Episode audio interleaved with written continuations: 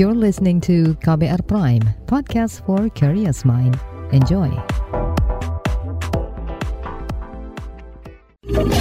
Kamu lagi dengerin What's Trending KBR Pagi. KBR Pagi, siaran pagi radio paling update. Selamat datang di What's Trending KBR Pagi, 5 Agustus 2022. Pagi ini saya mau ajak Anda untuk membahas serba-serbi ajang ASEAN Para Games 2022. Pagi ini saya mau awali What's Trending KBR Pagi dengan satu pertanyaan. Apakah Anda sudah nonton para atlet Indonesia di ajang ASEAN Para Games 2022? Anda tim nonton streaming atau mungkin bisa nonton langsung di Solo Karanganyar, Sukoharjo atau Semarang. Nah, sejauh ini Indonesia sebagai tuan rumah masih berada di puncak klasmen sementara.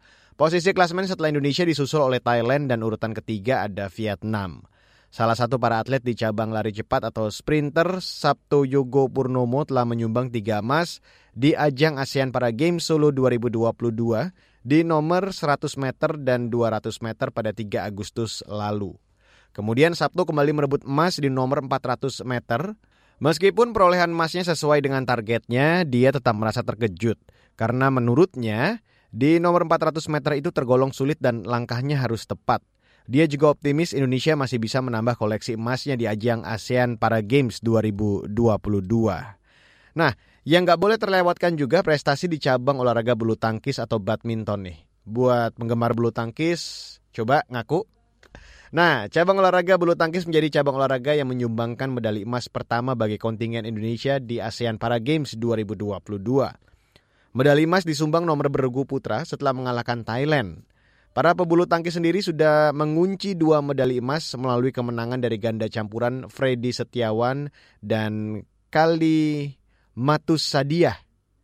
ASEAN Para Games 2022 berlangsung mulai 30 Juli hingga 6 Agustus 2022 besok.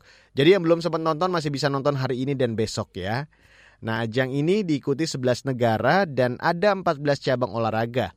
Yaitu catur, para panahan, para athletics, bosya, para powerlifting, para swimming, tenis kursi roda, bola basket kursi roda, goalball, CP Football hingga sitting volleyball. Presiden Joko Widodo pun dikonfirmasi menghadiri upacara penutupan ASEAN Para Games 2022 di Stadion Manahan Solo 6 Agustus besok. Menteri Pemuda dan Olahraga Republik Indonesia atau Menpora RI Zainuddin Amali memberikan dukungan semangat kepada para atlet Indonesia yang sedang berjuang di ajang ASEAN Para Games ke-11 di Solo. Menpora Amali optimis grafik perolehan medali Indonesia masih on track menuju juara umum. Amali memprediksikan para atlet akan mendapatkan lagi medali emas. Tapi, ajang ASEAN Para Games 2022 nggak lepas dari ancaman COVID-19. Juru bicara Indonesia National Paralympic Organization Committee atau INASPOK, Rima Ferdianto mengaku sistem bubble atau gelembung bocor sebab pihak penyelenggara masih menemukan pelanggaran protokol kesehatan yang dilakukan atlet dan ofisial. Menurut Rima, tim Satgas COVID-19 terus memperketat aturan dalam sistem gelembung di ASEAN Para Games 2022 ini. Tapi keriuhan ASEAN Para Games masih tetap tercipta oleh netizen di media sosial. Pingin tahu? Ini dia. tum, tum, tum, tum, tum. Kita ke komentar at Koramil 01 Sukoh 2. Anggota Koramil 01 Sukoharjo melaksanakan kegiatan pengamanan ASEAN Para Games Solo tahun 2022 cabang olahraga bola basket di Gedung Olahraga Sritek Solo. Lalu komentar at Humas underscore Core Brimob, 12 titik venue ASEAN Para Games 2022 termonitor dan terintegrasi di Poskopam Brimob Jateng. Brimob Jateng juga melaksanakan patroli dialogis ke semua titik venue untuk menjaga keamanan dan kelancaran event internasional ini. Lalu komentar at Badminton XX, Hai, aku mau ngajak kalian dukung tim para badminton kita yang lagi tanding di individual event ASEAN Para Games. Mohon doa dan support ya. Lalu komentar at Ganjarko XX. Mari kita doakan atlet kita bisa jadi juara di Para Games ASEAN 2022 at Naban XX. Jadi pengen nonton ASEAN Para Games nih, ada yang tertarik ikutan nggak?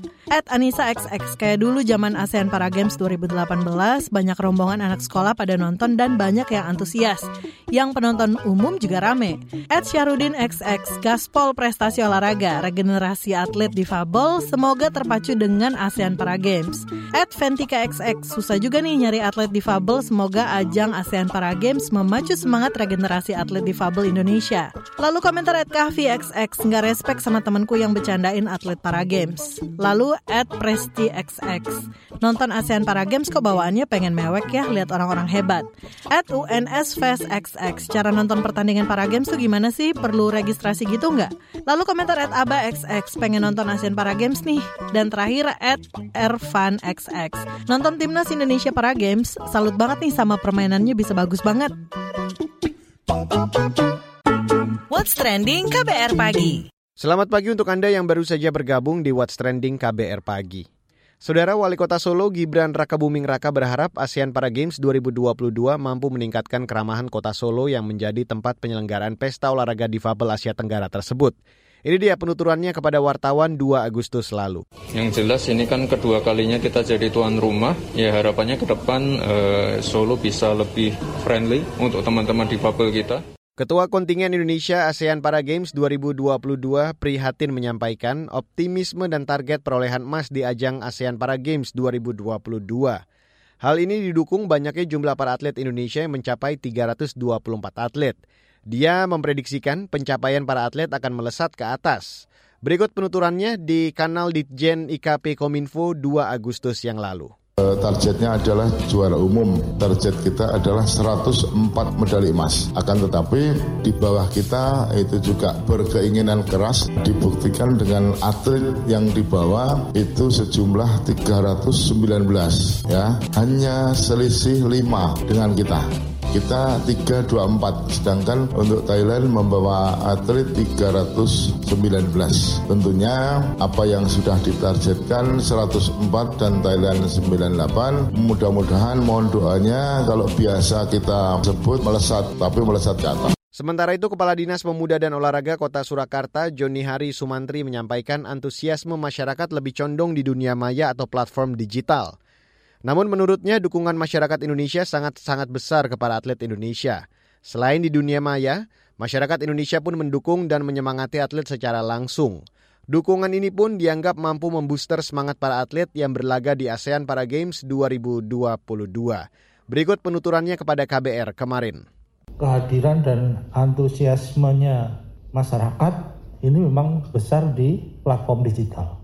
Dan itu selaras dengan gaya hidup kita saat ini yang memang orang bisa ke mana pun melihat apa pun untuk apa pun gitu, dengan menggunakan gadget. Sedangkan yang hadir di venue-venue ini memang ada beberapa venue yang antusiasmenya tinggi dan itu terkait dengan cabar-cabar atraktifnya yang punya yang mempunyai nilai atraktif seperti di Manaan, Gor UTP, di lapangan sepak bola UNS, lalu di Tetonadi Convention Hall, dan juga di beberapa tempat yang memang itu dinilai oleh masyarakat atau anak-anak kita yang punya kesempatan untuk nonton itu punya nilai atraktif dan menarik. Dan mereka sebagaimana kita, warga Indonesia, dukungannya terhadap khususnya kepada atlet-atlet Indonesia luar biasa.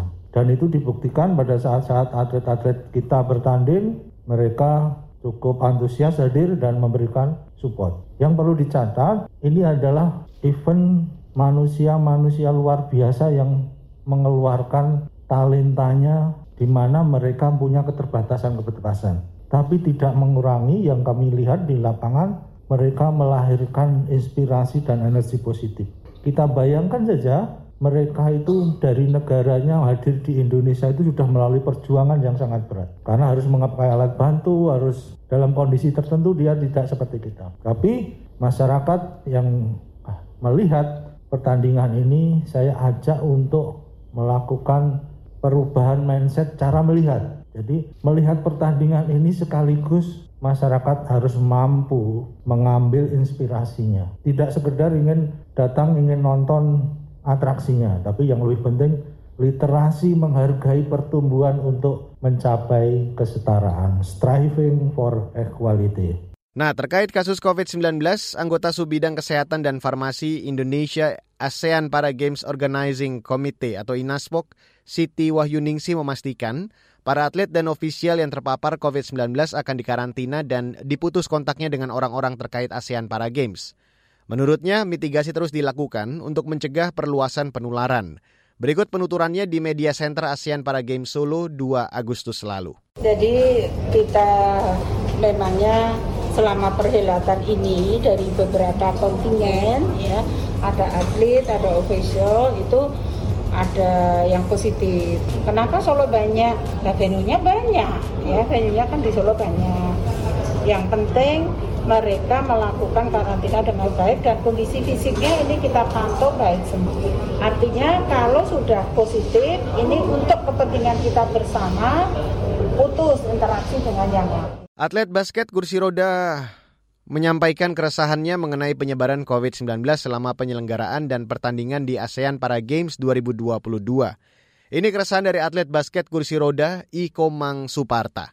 Untuk COVID sendiri kekhawatirannya pasti ada, tapi karena sudah adanya sistem bubble, terus kita juga emang dilarang untuk berinteraksi dengan orang luar, dengan um, membeli makanan dari luar dengan segala macamnya. Kita juga ngerasa di sana lebih aman sih dari faktor COVID itu sendiri.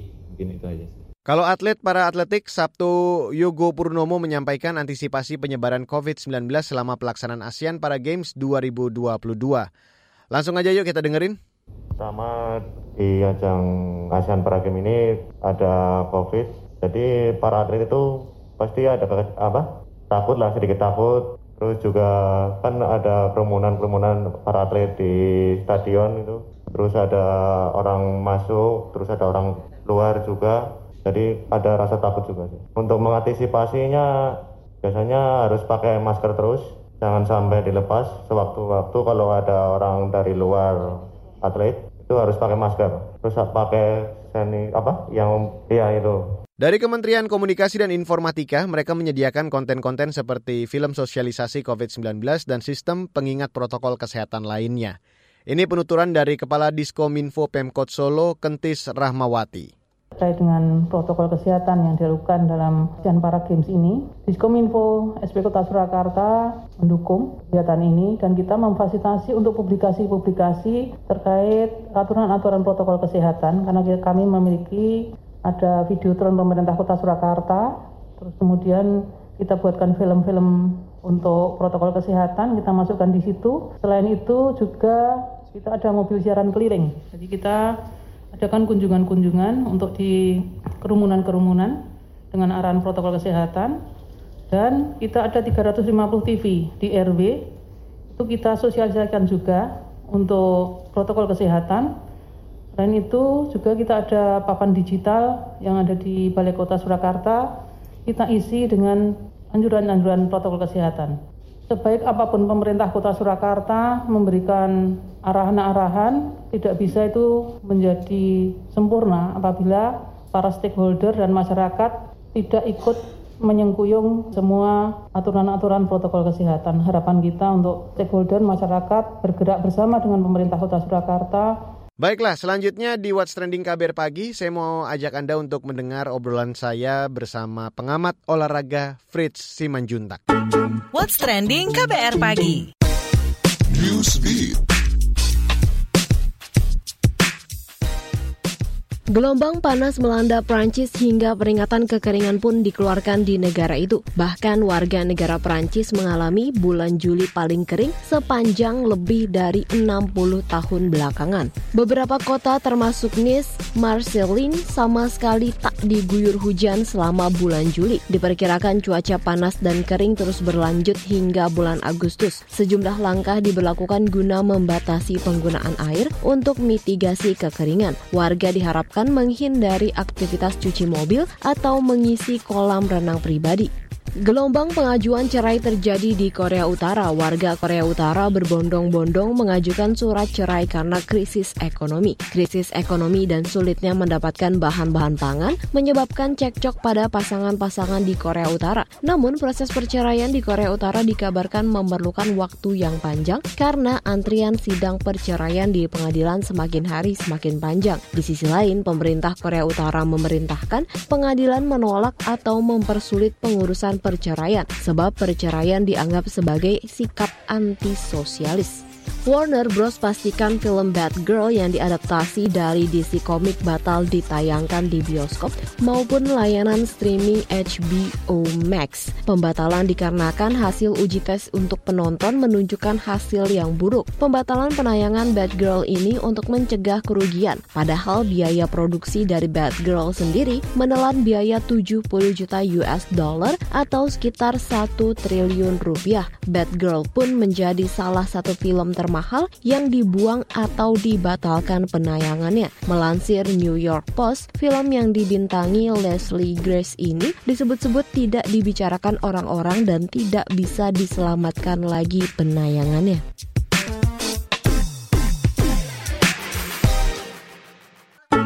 What's Trending KBR Pagi.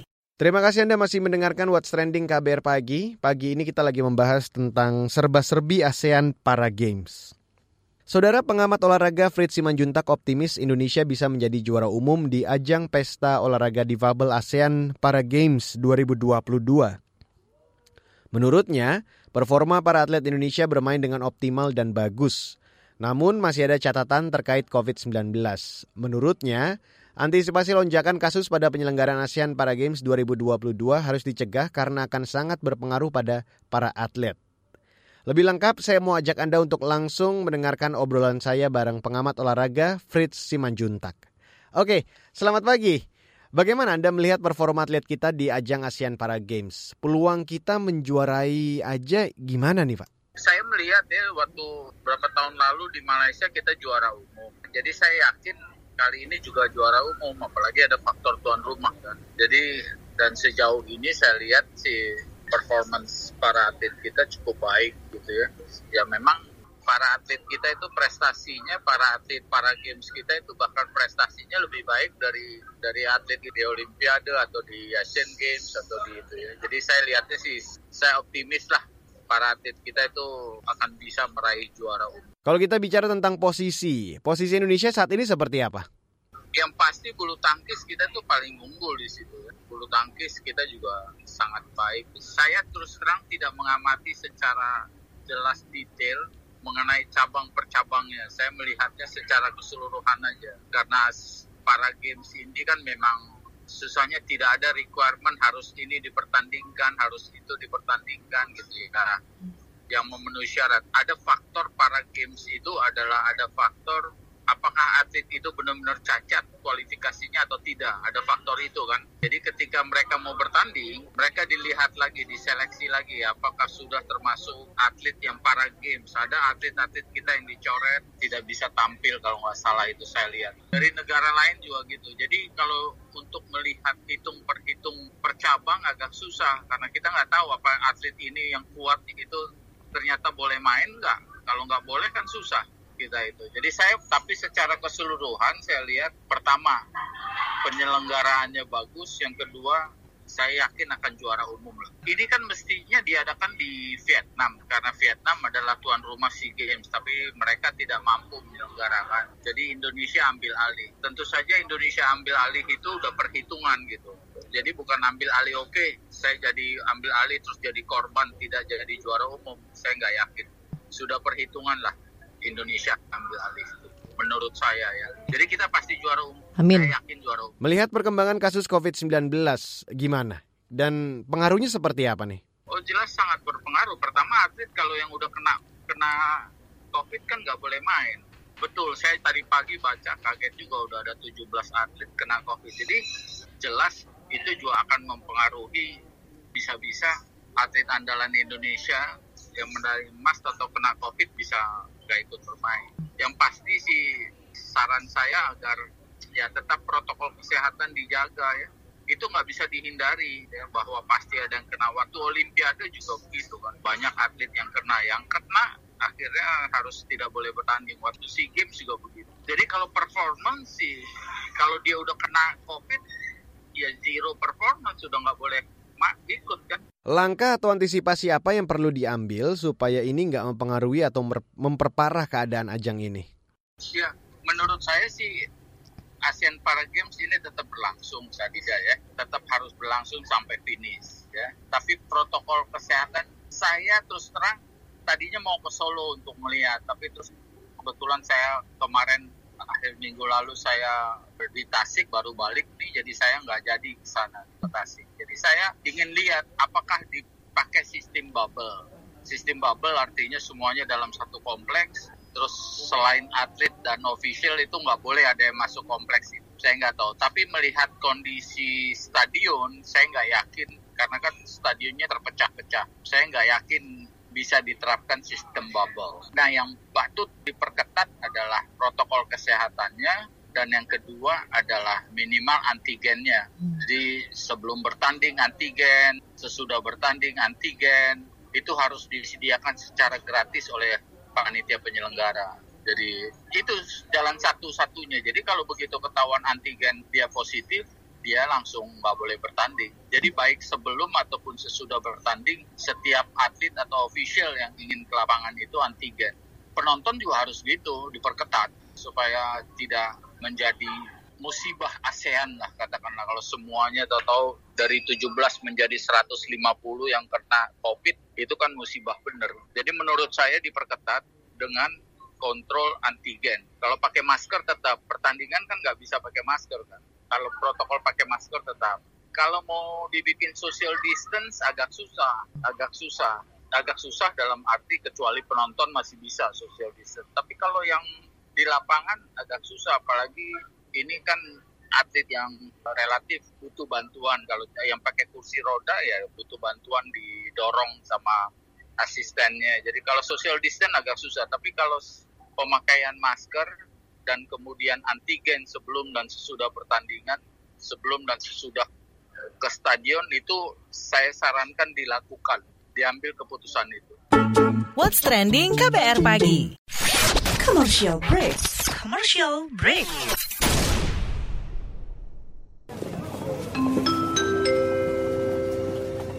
Mohon perhatian.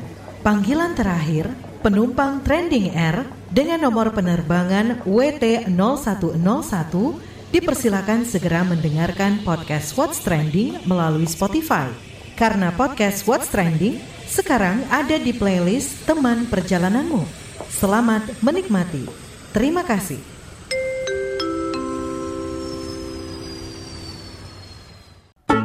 What's Trending KBR Pagi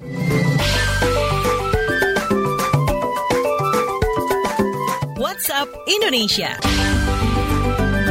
WhatsApp Indonesia dimulai dari Jakarta. Meskipun terdaftar di dalam penyelenggara sistem elektronik PSE, 15 aplikasi judi online diblokir pada 2 Agustus 2022 oleh Kementerian Komunikasi dan Informatika. Kominfo mengatakan langkah pemblokiran itu setelah melakukan verifikasi terhadap enam penyelenggara sistem elektronik yang disinyalir memfasilitasi kegiatan perjudian secara online. Selain sistem elektronik, Menteri Komunikasi dan Informatika Menkominfo Johnny G. Plate dalam keterangan persnya menyatakan 500 ribuan konten perjudian telah diputus aksesnya. Aplikasi yang diblokir adalah Domino QQ, Pop Domino, Pop Poker, Let's Domino Gaple QQ Poker Game Online, Steve Domino QQ Poker Slot Game Online, lalu ada aplikasi Hig Slot Domino Gaple QQ, Ludo Dream, Domino Gaple Boya QQ, Capsa, Poker Texas Boya, Poker Pro ID, Pop Big 2, dan dan Pop Gaple. Selanjutnya menuju Papua, pemerintah Kabupaten Kerom, Papua menyiapkan lahan puluhan ribu hektar untuk mendukung program food estate atau lumbung pangan. Bupati Kerom, Peter Gus Bager mengatakan lahan itu disiapkan lantaran kabupaten yang didampinginya merupakan salah satu daerah di Papua yang masuk dalam program food estate pengembangan tanaman jagung. Lahan itu berada di distrik Arso dan distrik Senggi. Katanya, Pemkab Kerom terus berkoordinasi dengan satuan kerja dari Kementerian Koordinasi Koordinator Kemaritiman dan Investasi untuk percepatan program ini. Akan tetapi, Pemkap Kerom meminta pemerintah terlebih dahulu menyiapkan regulasi sebagai payung hukum. Regulasi itu juga untuk jaminan keberlangsungan pelaksanaan program food estate di sana. Bupati Kerom Papua, Peter Gusbager menambahkan pengembangan tanaman jagung seluas 20 ribu hektar akan dilakukan secara bertahap. Ditargetkan hingga 2023 mendatang 3.000 hektar tanaman tanaman jagung sudah ditanam. Setelah itu, pengembangan jagung akan dilakukan hingga mencapai 5 hektar, 10 hektar, dan 20 hektar. Terakhir mampir Rembang, Jawa Tengah. Pihak pemerintah pusat akan melakukan penataan kota pusaka Lasem untuk tahap kedua dengan syarat hasil evaluasi tahapan pertama memberikan dampak positif. Tidak hanya mampu mengangkat sejarah Lasem, tetapi juga bermanfaat bagi perekonomian masyarakat. Bupati Rembang Abdul Hafiz menyatakan hasil komunikasi dengan Kementerian Pekerjaan Umum siap melanjutkan penataan tahap kedua. Namun menunggu evaluasi tahap pertama setelah proyek senilai 88 miliar rupiah lebih tersebut dijadwalkan selesai akhir bulan Agustus 2022 ini. Bupati juga menjelaskan bahwa pedagang kaki lima PKL di kawasan alun-alun depan Masjid Jami Lasem ditempatkan ke pasar kreatif. Sedangkan lokasi trotoar yang menjadi area kota pusaka Lasem dilarang untuk berjualan atau steril dari pedagang. Tujuannya, ketika kota pusaka beroperasi, pengunjung akan lebih nyaman saat jalan-jalan menikmati suasana Lasem. Sementara itu, budayawan Lasem, Yon Prayoga berharap semua lapisan masyarakat Lasem lebih peduli jika nantinya proyek Kota Pusaka Lasem tahap 1 selesai. Hal itu menjadi modal agar penataan Lasem tahap kedua benar-benar terrealisasi. Ia berharap semua pihak turut mempromosikan Lasem dengan kegiatan seni budaya agar semakin dikenal dunia tentang keragaman warganya, kerukunan, dan juga budayanya. Demikian WhatsApp Indonesia hari ini. Demikian WhatsApp Indonesia untuk KBR pagi hari ini edisi 5 Agustus 2022. Terima kasih untuk Anda yang sudah bergabung pagi hari ini. Selamat menjalankan aktivitas Anda dan ingat selalu patuhi protokol kesehatan di mana pun Anda berada. Selamat berakhir pekan. Saya Reski Mesanto undur diri. Salam. Terima kasih ya sudah dengerin What's Trending KBR Pagi. KBR Prime, cara asik mendengar berita. KBR Prime, podcast for curious mind.